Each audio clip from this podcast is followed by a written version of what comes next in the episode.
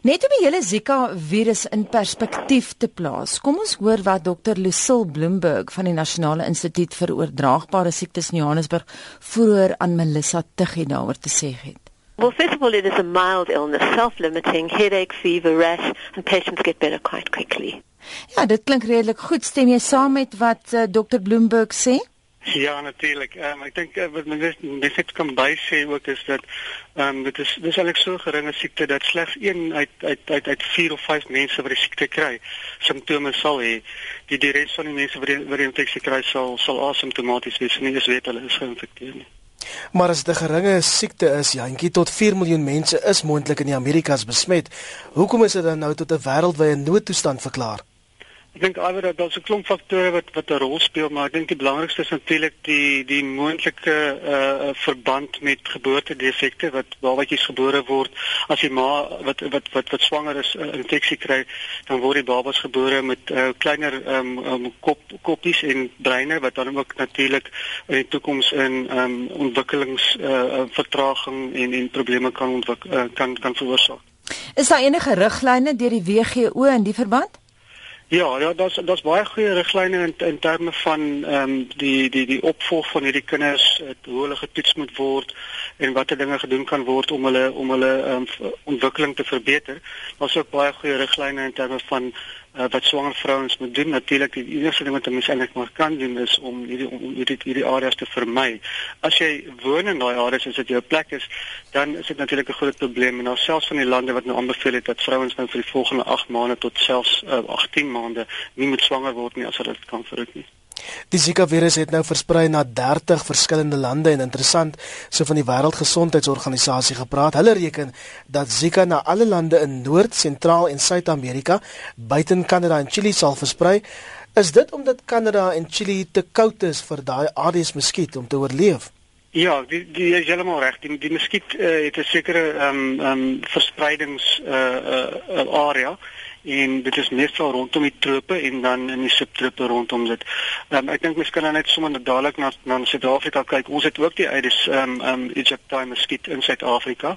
Ehm um, dit dit is meestal ehm um, gelokaliseer rondom die Ooskus, KwaZulu-Natal en dan ook van die stede in die binneland uh, het ook uh, hierdie muskiet wat redelik algemeen voorkom. Ons egter 'n klein verskilletjie tussen die die die muskiet wat voorkom in in in Suid-Afrika en die muskiet wat die siekte spesifiek oordra. En dit is een van die redes hoekom ons dink dat uh, dit was onwaarskynlik is dat die Zika na Suid-Afrika sal versprei op 'n groot mate. Ehm um, want hierdie muskiet dra ook ander siektes oor soos eh uh, knokkelkoors wat ook dengue koors genoem word. En en en en dit kom in Afrika oor algemeen, maar dit kom glad nie in Suid-Afrika voor nie.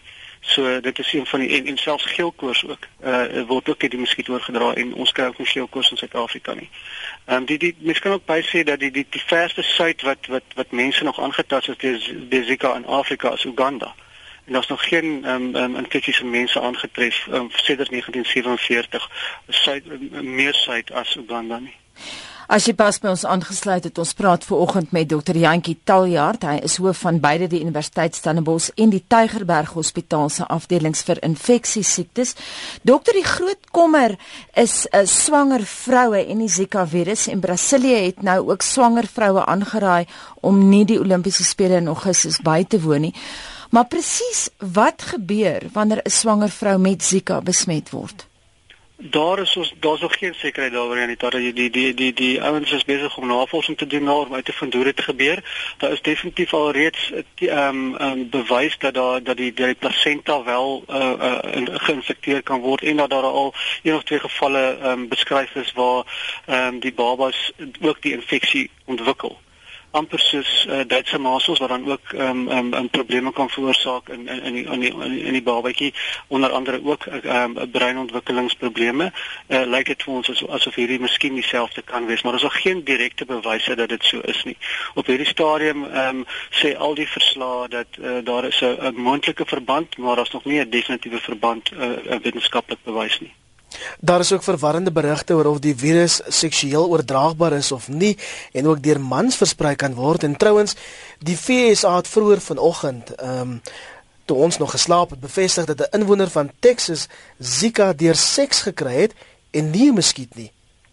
Ja, dit sal ek nou nie kan op kommentaar lewer nie, ehm um, maar ons weet dat sekere virusse seksueel oordraagbaar is en uh ons het nou met die Ebola uitbraak ook gesien dat uh die die virus kan geïsoleer word uit die semen um, tot uh, uh, uh maande na na na 'n persoon infeksie gehad het.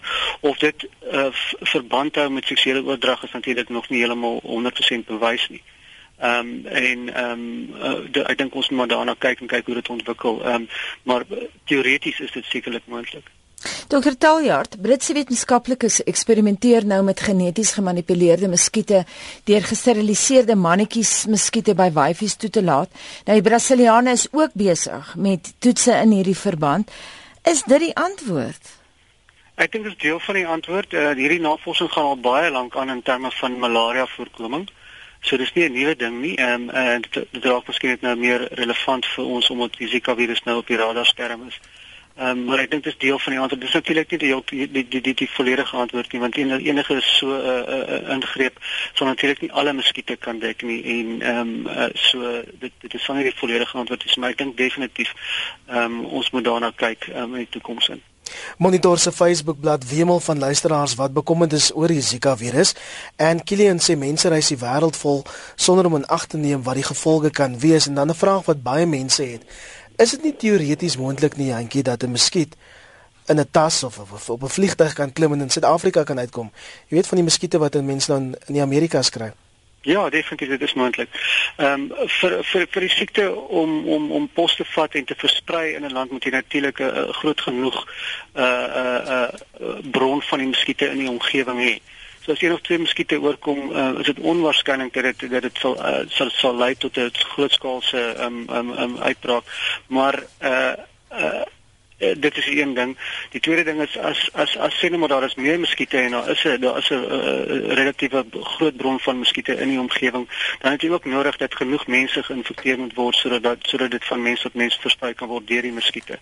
En in daai scenario in Suid-Afrikaanse opset, uh, met die feit dat ons in elk geval nie die korrekte uh uh vektor of muskiet het nie, uh, maak dit baie onwaarskynlik. Maar natuurlik die die een of twee muskiete wat kan oorkom is moontlik en natuurlik ons moet weet muskiete het nie 'n lang lewensduur nie en hulle vlieg ook nie baie ver nie. Soos byvoorbeeld die Afrikaanse die Suid-Afrikaanse Aedes muskiet uh, vlieg maar 'n paar meter rondom hom uh, in in 'n omgewing en, en versprei nie verder as dit nie.